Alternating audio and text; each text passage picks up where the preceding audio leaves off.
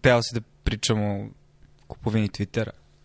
Nisam hteo odakle ti ta ideja. A, ne, možda sam pogrešno shvatio. Ili se šališ sad, zato što se praviš da si disagreeable. ne. Imamo epizodu koja je posvećena Elonu Masku, imamo Aha. epizodu koja je posvećena Twitteru. Mislim da je bilo prirodno da samo obeležimo ovaj trenutak minutom ćutanja za Twitter koji će uh, uskoro prestati da postoji u sadašnjem obliku. Aha, ok, mislim da, da će uskoro prestati da postoji tačka. Da, znači taj, um, ove, taj Maskov podcast, da, to sećam da si imao prilično nepretvrano pozitivno mišljenje o, o Elonu i njegovom dejstvovanju. U tom trenutku je bilo manipulacije kriptovalutama i ne znam šta je još bilo, ono oko kovida što nije što nije puštao radnike kući, što je da, da.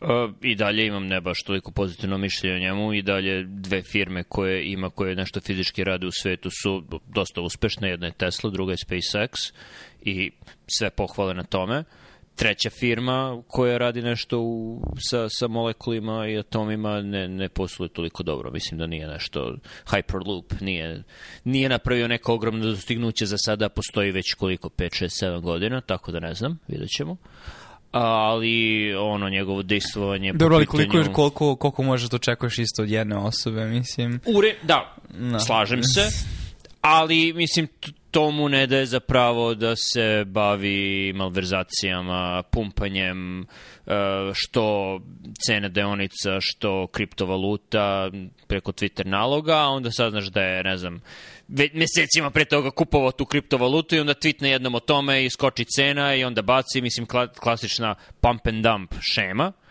E, mislim, to nije baš njegova jako pozitivna karakteristika, ali ne znam kako će ova planirana kupovina Twittera, pošto još uvijek nije kupio Twitter, ta kupovina će trajati ono 5-6 meseci, moraju prvo, mora odbor zvanično da izglasa, moraju deoničari da pristanu, mora da se obavi proces tranzicije. Znači ono jedino što je trenutno sigurno, čak, čak možeš i sad da kupiš deonice Twittera, jer i dalje nije 100% sigurno da, da će ta kupovina proći.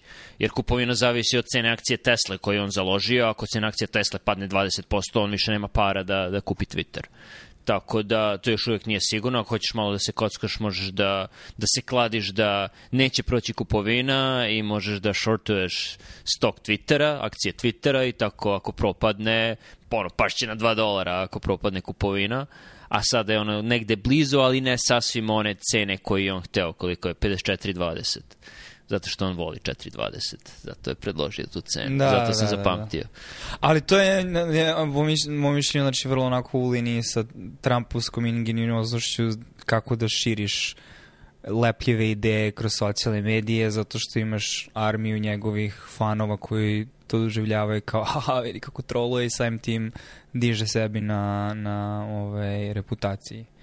Tako da, iako dele kao vrlo cringe, možeš da kažeš, sa druge strane, mislim da on vrlo onako i objektivno zna da posljedice toga će biti pozitivne na njega, po njega. Znači i on isto kad je bio na Joe Roganu pa je on popušio joint, znači kao se bili, oh! znaš, ali kao od svih stvari koje mogu da uradi kao popušio joint, znači tačno bilo na toj ivici toga kao nije nelegalno, ali nije nešto što bi očekivao od odgovornog CEO, ali gomili tinejdžera koji ga gledaju njega kao boga i onda su posle kupovali Dogecoin.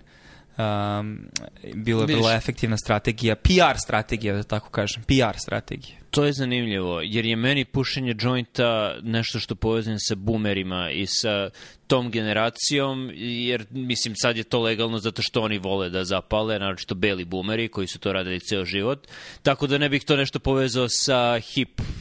Uh, ne, ne, ali 4.20 je totalno to. Znam.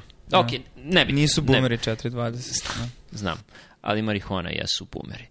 To, to je tipično boomerska. Ali ne samo, dobro, da, ok. Uh, još jedna epizoda koju smo pričali, boomeri. Da ne znam da li je e, ne znam da li će ova kupovina Twittera završiti u kategoriji ok, uradio je Tesla, uradio je SpaceX i možda će uspeti da napravi od Twittera nešto što će moći dobro da posluje, pošto je Twitter trenutno firma sa previše zaposlenih i bez ikakve strategije da isplati tim zaposlenima plate, osim što, da znam, izdaje nove akcije i uzima novac i zajmove. Uh, jer nemaju neki sistem monetizacije svojih korisnika. Moram da kažem srećom, to mi se sviđa, jer više ljudi je primetilo, Ja sam primetio, ono, kad sam bio na Facebooku, Facebook ti daje reklame koje tačno, precizno, ono, u bodu ono što želiš. Čujem da je Instagram takav, nemam Instagram nalog, nemam više ni Facebook nalog. Uh, ali Twitter kad ti postavi neku reklamu, mislim, to je smešno. To nema, nema veze sa tobom i sa onima čime se baviš. No, gore su nego Google reklame. Da, no, mnogo, mnogo lošije. E, tako da su loši trenutno u onome što radi i nije ni čudo što može, može neko da ih kupi i da ih pretvori u privatnu firmu. Niko da, ne to ne bi viš, mogao... nikad ne bi pomislio da Twitter redi samo, samo po znacima navoda. Ali ono, WhatsApp je kupljen pre koliko godina, ono bio za 6 milijardi ili tako nešto.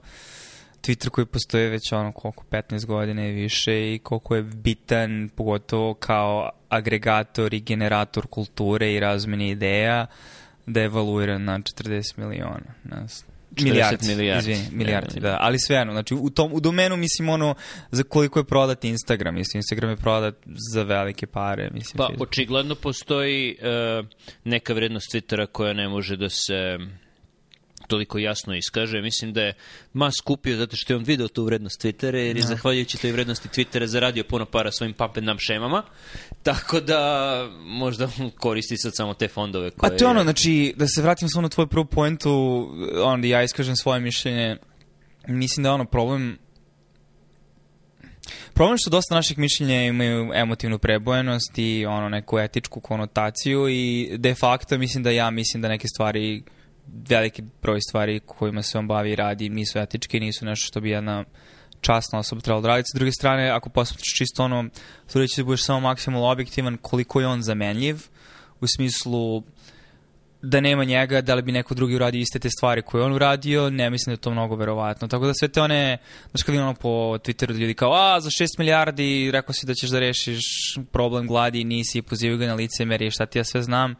Um, mislim, ako ništa drugo, mislim, zamenljiv u kom smislu, u smislu, znači, jako je mali broj ljudi koji egzistira na tom nivou efektivnosti i mislim da to je jedna od stvari da, ako ništa drugo je dokazao, na koji god način je došlo do pare, šta god, znači nije, i ono, kako god privilegovanu pozadinu imao i Trump je bio, imao još privilegovaniju, privile, privilegovaniju pozadinu nego on, pa nije napravio nešto od vrednosti, znači on je de facto napravio nešto ako ništa drugo, i ako Tesla, ne znam, ne uradi šta, i ako SpaceX ne uradi ne znam šta, mada SpaceX je već dosta toga uradio i znam da se sa time i ti slažeš. I Tesla je dosta toga da, uradio. Da, da, da, ali hoću kažem, i revolucionirali su čitava polje i učinili da te stvari budu cool i pomerili su industriju. Znači, to ne možeš da mu oduzmeš, tako da u smislu, ja, jako je znači na taj način dokazao, mislim da je neko ko je vrlo opet efektivan i jako dobar u ono, unemljivanju ljudi, organizaciji ljudi i održavanju nivoa efikasnosti i to sa sobom nosi određenu cenu. Znači moraš sa neke strane da budeš i beskrupulozan, tako da zato što i mislim ono, naravno da ljudi u uh, uh, Tesli ono koji odu iz Tesle kukaju kako su overworked, ali isto su tako ljudi pod Steve Jobsom kukali u Apple da su bili overworked, zato što velike stvari de facto koštaju, mislim, i niko tebe ne tera da radiš tamo, znači to je tvoj lični izbor ako želiš da budeš deo neke priče, ali postoje ljudi koji to žele raditi na kraju dana on radi mnogo, mislim, i, i sposoban je da radi mnogo i mislim to je ono, jednostavno crta njegovog karaktera, tako da u tom smislu uh, samo uzimaći tu tezu u obzir, naš ono, delo mi da neko kao poput njega ima još ono, ljudi naravno, ali ako treba da dovede Twitter u, u mone, moneti, monetizibilni oblik, uh, koji može da monetizuje Twitter e, na adekvatan način, to će biti on. Um, ali na što će to da liči, to, to je ono pitanje. Ono. I pričali smo o Benu Thompsonom članku u prošloj epizodi i mislim da to je jako dobar predlog zato što neki način će dozvoliti kompeticiju među različitim uh, oblicima korišćenja Twittera i samim tim nama dati neke zanimljive društvene eksperimente u smislu uh, Znaš, možda neki ljudi stvarno žele da budu besni po ceo dan i žele da provode vreme na mreži koja je slična ili možda čak gore od Twittera kao što je sad, ali možda neki ljudi samo na Twitteru žele da razumeš da dolaze do nazivnijih činjenica, da imaju malo kurioziteta i da provedu možda 30 minuta dnevno i to je to, tako da bit će zanimljivo. Ne znam, u svakom slučaju mislim da je zanimljiv period i da ćemo svako vidjeti neke promene ako dođe do kupovine. Postoje uh, oni pesimistični i op optimistični pogled na to i verovatno realni. Uh, pogled na to, a postoji paranoidni. Postoje četiri pogleda na ovo. Krenuću sa pesimističnim.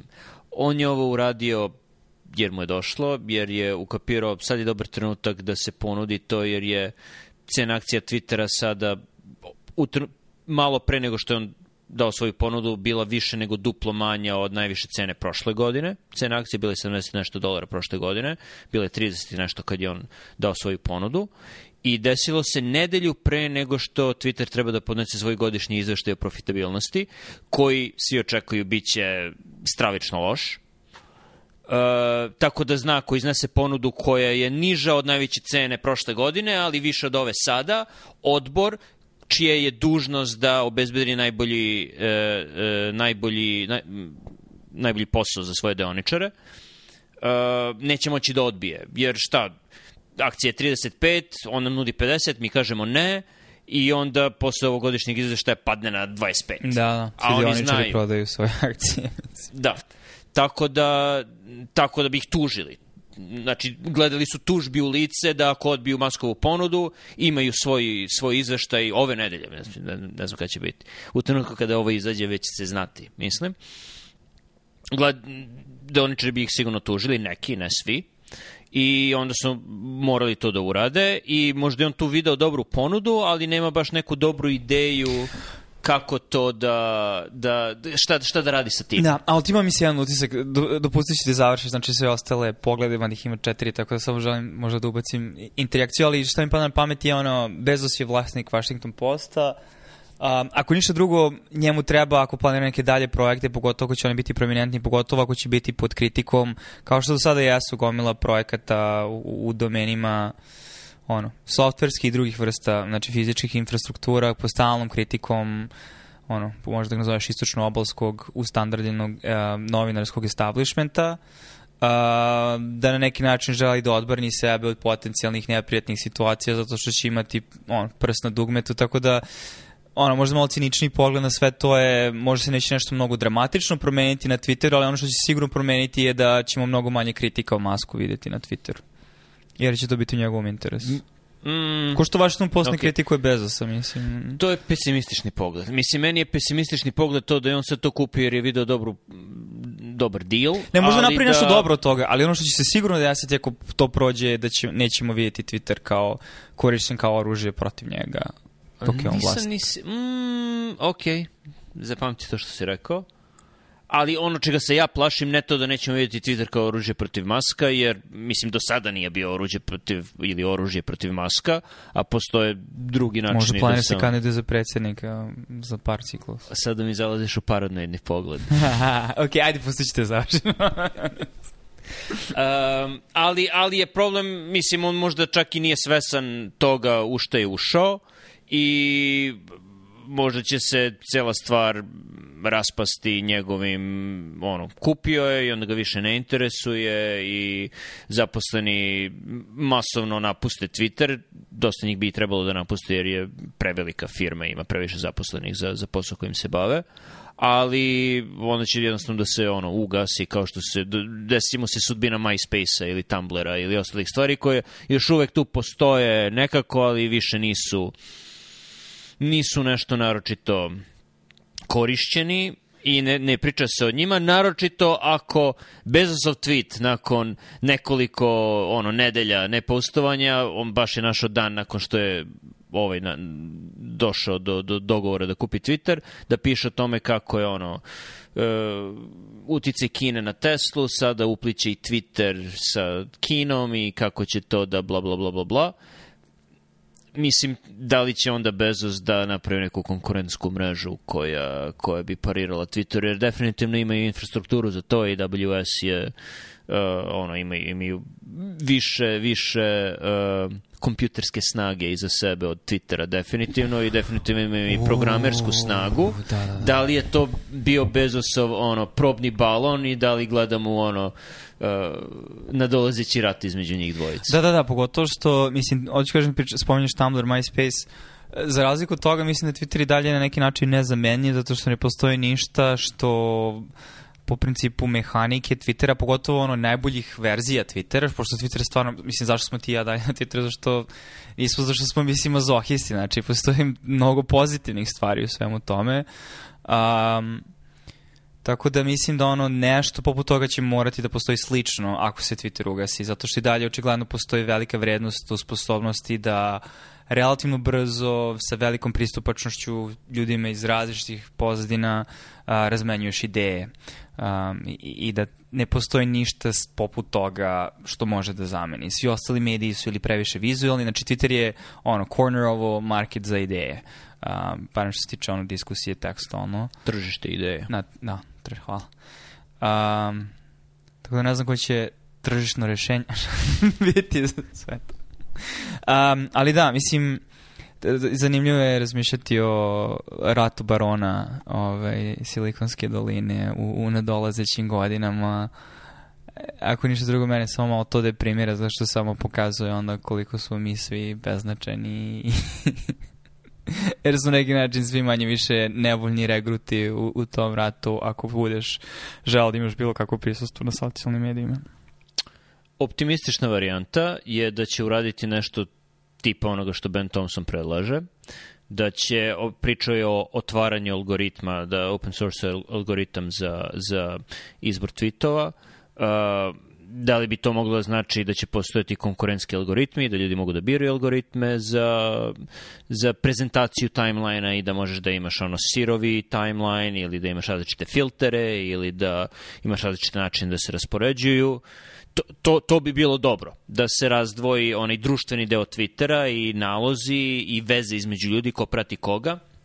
Da Pogotovo to... što sad, sam malo digresija, Twitter već ima dosta tih sposobnosti, samo sa neki način skrivene lošim korisničkim interfejsom, da kada searchuješ moraš da ubaciš gomilo ono, ovaj, bulin, ovaj, stanje ili šta god. Mislim da bi isfiltrirao stvari, a zamisli kada bi to dolazilo mnogo ono, prijemčivije za korisnike. Da, Znači, to je jedan aspekt optimistične varijante, a drugi je to što, i, i mislim da je to malo optimistična povlaka realna varijanta je, on, i zato mislim da neće e, ono, suzbijati govor protiv sebe na Twitteru, to je da je on uh, staromodni tip otvorenog govora tipa interneta sredinom i krajem 90-ih i ranih 2000-ih kad si ono mogu da pišeš o svemu i Ako išta, to bi moglo znači da će Twitter biti malo haotičniji, ali opet ako, ako postoje algoritmi za filtriranje i različitu prezentaciju, to bi trebalo da sredi taj problem. Dakle, svako može da piše, da ima nalog, da piše šta hoće, ali da postoje različiti algoritmi koji će da uklone ono što se tebi ne sviđa.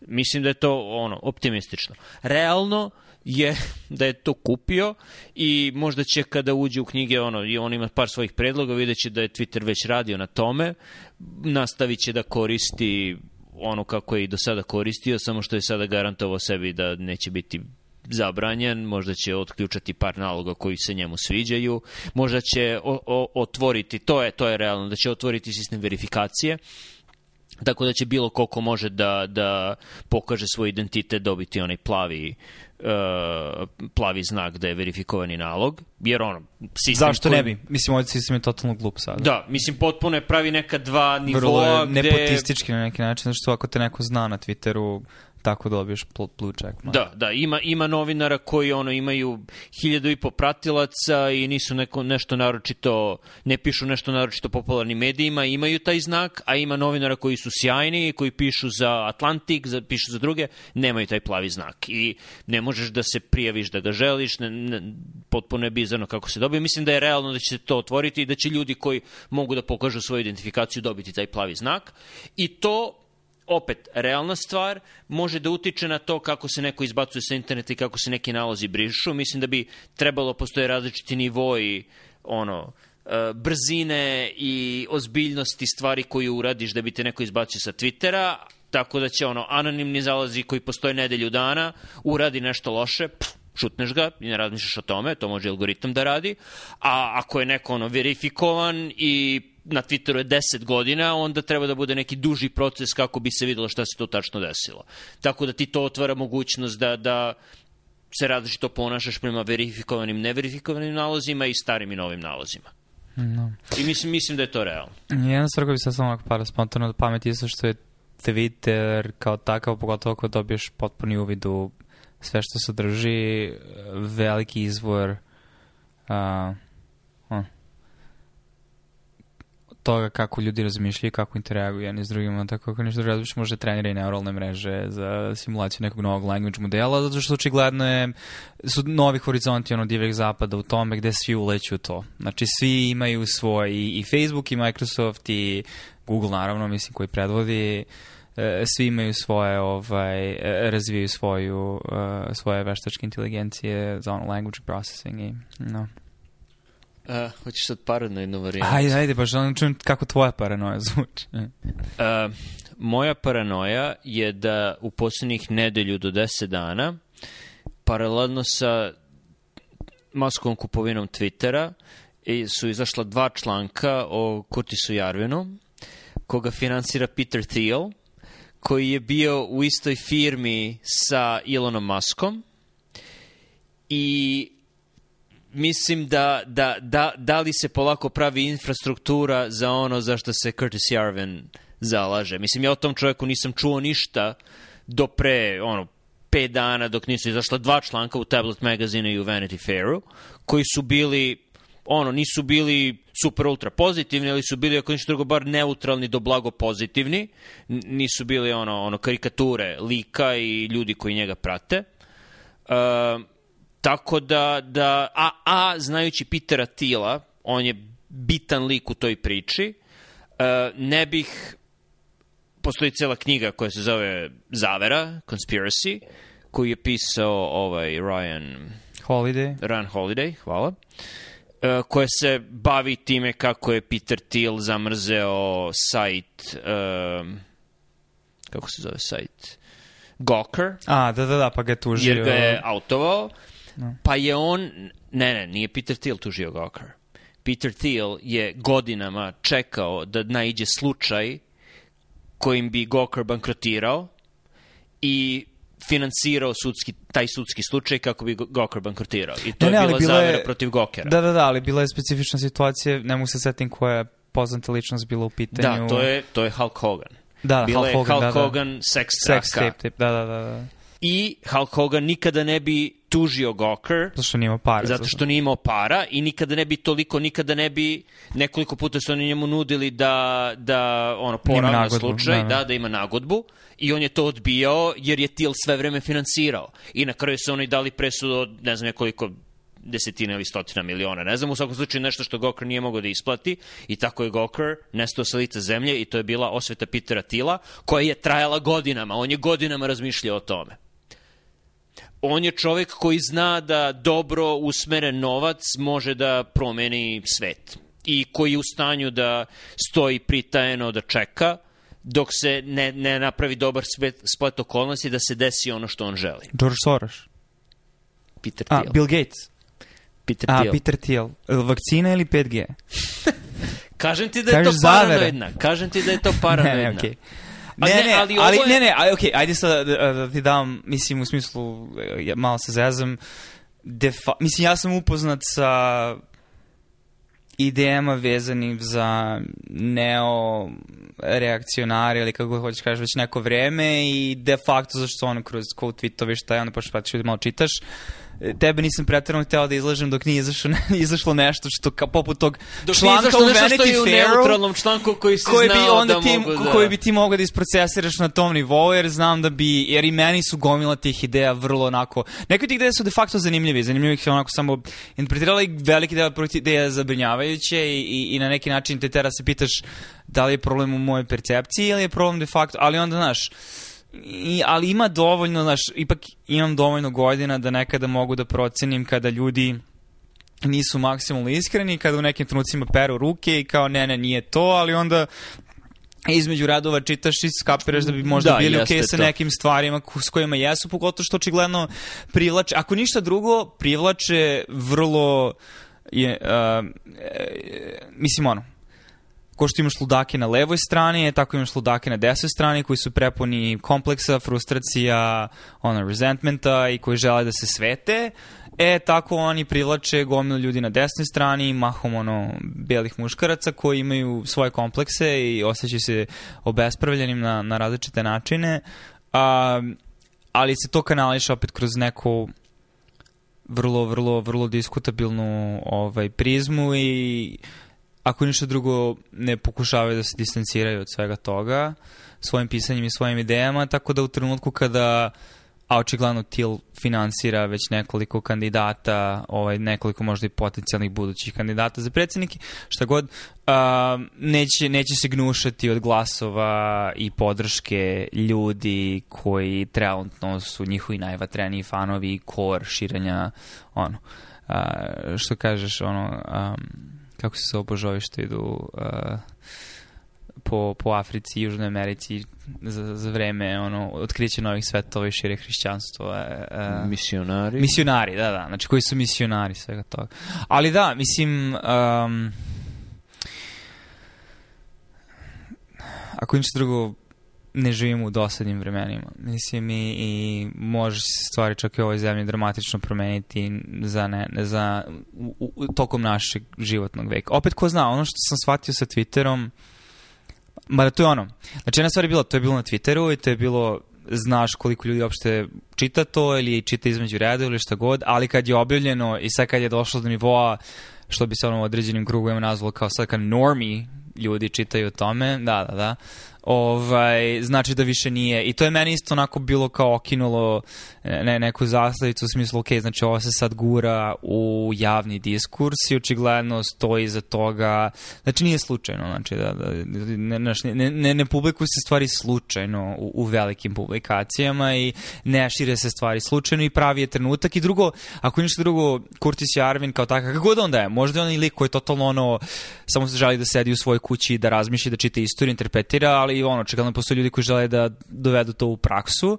Um, ali de facto je mahom, znači decenijama je samo isključivo pisao prvi deo svoje poznacije navoda karijere a, pod pseudonimom, u zadnjih godinu, dve dana on je počeo da gostuje na podcastovima. Tako da ti možeš da vidiš njegova gostojanja od po sat vremena na, vrlo na relativno malim YouTube kanalima i to su i dalje, ne znam, nije toliko pregleda, ali znaš, mislim da je ovaj članak i tekako lansirao um, znači ono, u, u svest uh, nacije, da tako kažemo.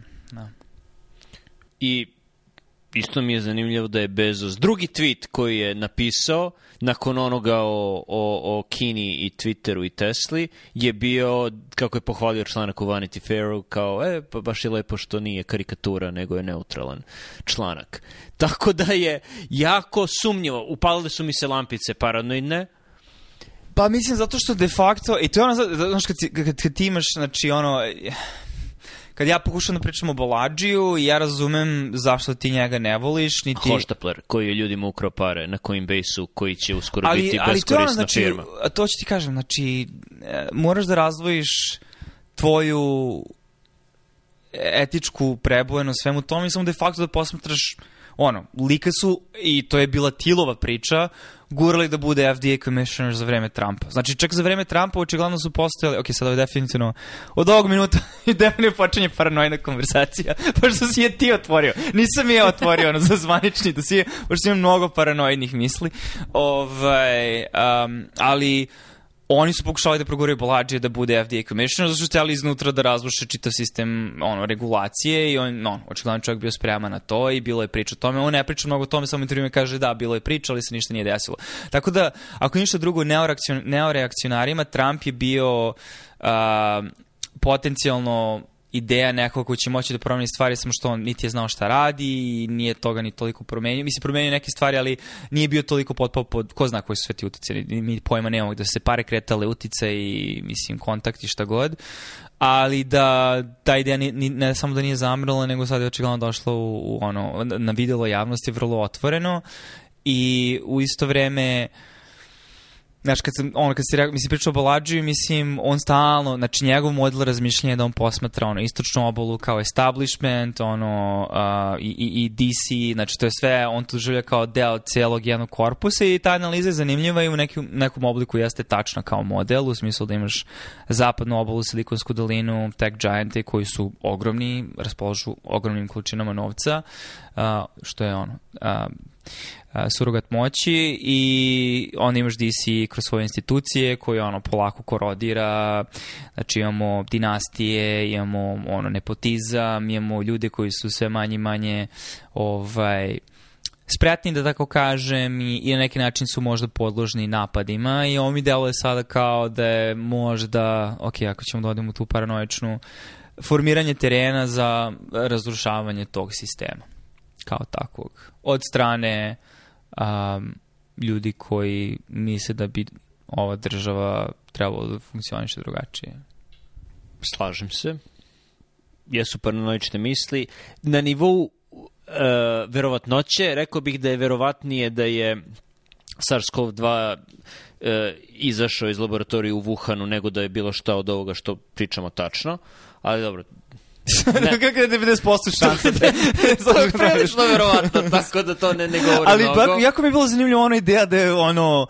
Naravno, to je sad ono, rekla, kazala, šta god, ali to, to, to nik, uopšte nisam razmišljao o tome, ali pošto ja su koristili lasice za amplifikaciju virusa, to je dokumentovano. I drugo, kad smo čitali isto u Vanity Fair, onaj članak gde je Eco Health Alliance podneo DARPI, uh, uh, Grand Proposal, da radi, Furin cleavage site na SARS-CoV-2 2018. i da godinu dana kasnije izlazi virus koji bukvalno ima tu stvar koji su ono jedinstvene a, tri, tri aminokiseline ili četiri a, koje ga čine da se vezuje vrlo jako za receptor. Oni su Child's Regain Function, da je ono, mislim, domar koji je bio zadužen za spaljivanje tih životinja, umesto da spaljuje da bi se rešio tih životinja ko, koji su cirkulisali virusi. Dokazano. Nije dokazano, ali zanimljivo ono, sa teorije. Mislim, mislim da smo ostavili ja nosim svoj aluminijumski šešir, ne znam da li ga ti nosiš.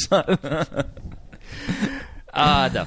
Tako da, rekao bih da je to manje verovatno, ali ono, mo moguće, otko znam, jer postoji već jedna osoba uplatena u tu priču koja, koja je ono, dokumentovano sposobna da, da radi dugoročne planove sa malom verovatnoćem uspeha, ali velikom isplatom ako uspeju a isplata bi bila jako velika. Ne znam da li hoćeš da, da diskutujemo više o njihovoj filozofiji i o tekstovima koji izašli u, u Vanity Fairu. Imam par mišljenja o tome, ali mislim da, da su malo izmetnuti iz stvarnosti. Mislim, kad čitaš, ono, možeš da se složiš sa većinom stvari i da postoji truljenje institucija vremenom ne, znači, o, i e, pad kvalitete institucija i to je sve dokumentovano, ali e, rešenje za to nije da spališ sve i zameniš nečim potpuno novim, jer nova ograda, pod jedan, i pod dva, dok ti tako veselo rušiš institucije i praviš nešto novo, sve to kod tebe nastavlja da postoji i da koristi prilike koje im ti otvaraš. Tako da mislim da je ta ideja, to je, to je ono tužno kad vidiš da su inteligentni ljudi sa potpuno glupim idejama. To, to mi je... Pa ne samo, mislim, no, znači, postoji, možeš posmatraš perspektive koliko je dobra dijagnoza i koliko na neki način ti daje tebi nove načine da, ono, nova sočeva kroz koje možeš da posmatraš stvarnost, trenutnu, uh, i, i tu mogu da, tu sam mislim došao do dosta korisnih novih zaključaka, ali da, što se tiče ono preporuka, a, ne, i to je ono što, što mene u stvari više plaši od svega toga je što ne postoji jasna definisana politika. Možda bi bilo jezivije da postoji i možda i postoji, ali ne to ono kao ono, fašizam, što god, a, što je ono možda i najjezivije varijanta svega toga, ali... Um, i svega ovoga mi barem deluje, barem što se tiče truda intelektualca koji cirkulišu to, uh, da ne postoji previše jad. I, i taj Vanity članak, mislim, ono, stvarno mislim, ako ništa drugo, složio bi se sa Bezosom, mislim da je jako dobro novinarstvo, zato što čovjek očekavno ima blago pozitivno svetlo na sve to, ali i u isto vreme pokazivao kako stvari na neki način biti delovale, da si išao na te sastanke, mislim ta njihova konferenciju, ovu, večanje, gde ono, kad vidiš šta ti republikanski kandidati pričaju stvarno deluje kao neka prazna priča. Znači, nema tu nekog konkretnog plana i nekog konkretnog rješenja, tako da a, možda ono što ja se jezi u svemu tome, ono, znaš da neće ni biti konkretnog rješenja, nego konkretno rješenje samo sprovođenje interesa pojedinaca koji kriju svoje interese kroz nešto što deluje kao ideologija, uopšte nije ideologija nego je prazno. I na kraju ne rešava nikakav problem i na kraju dalje postoji velika klasna razlika i dalje postoji problem da mislimo, nastavljamo znači, sa feudalizmom, neofeudalizmom kroz internet i kao ne, ne nudiš rešenje tome nego čak produbljuš potencijalno taj problem. I to je moj strah jer stvarno mislim da ulazimo, ako nešto drugo ono, samo da smanjimo ono, stepen paranoja, ali ako se izmisliš nekako, doživljam da ulazimo u period nekog neofeudalizma, nismo još tu, postoji naravno dalje potencijala, ali nekako dolazi do skleroziranja a, kapitala i a, razlike između ono i mislim da još nismo svesni, jer se ti lanci potencijalno i dalje formiraju, samo što neće biti ono, da ti obrađuješ nečiju zemlju koja nije tvoja, nego će biti tvoja pažnja koja nije stvarno tvoja.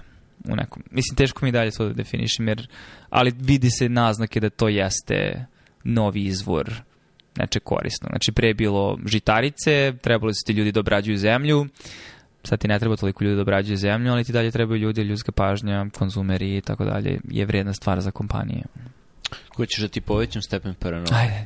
Znaš da Bezos ima kuću na S ulici koja je nekada bila muzej industrije, mm. pored kuće Woodrowa Wilsona, koja je ono, skupa i velika, ali bukvalno fasada gleda na ulicu. Znači možeš da mu, ne, ne znam koliko ide u dubinu, ali tu i u komšiluku. A, znaš ko je još kupio kuću u DC-u? Prošle godine. Thiel? Peter Thiel kup, da. ima kuću u Woodley Parku od 16 miliona. Ali to je zato što isto DC je prepun, mislim, koji je ono što ono Vanity Fair, znaš, onaj kozmik, uh, onaj članak vezan za Fauci, sve to, onaj Cosmic, Cosmo klub. klub da. Znači, DC je prepun svih tih klubova gde se ono a, mirišu političari, ljudi na, u egzekutivnim granama vlasti, lobisti, tako da mislim da je to više ono kao strateška pozicija, ali u stvari možda je to tvoj argument. Da, to je da, da strateška da, da, pozicija. Da, da, da. Da, da, da okej. Okay. Da, ono.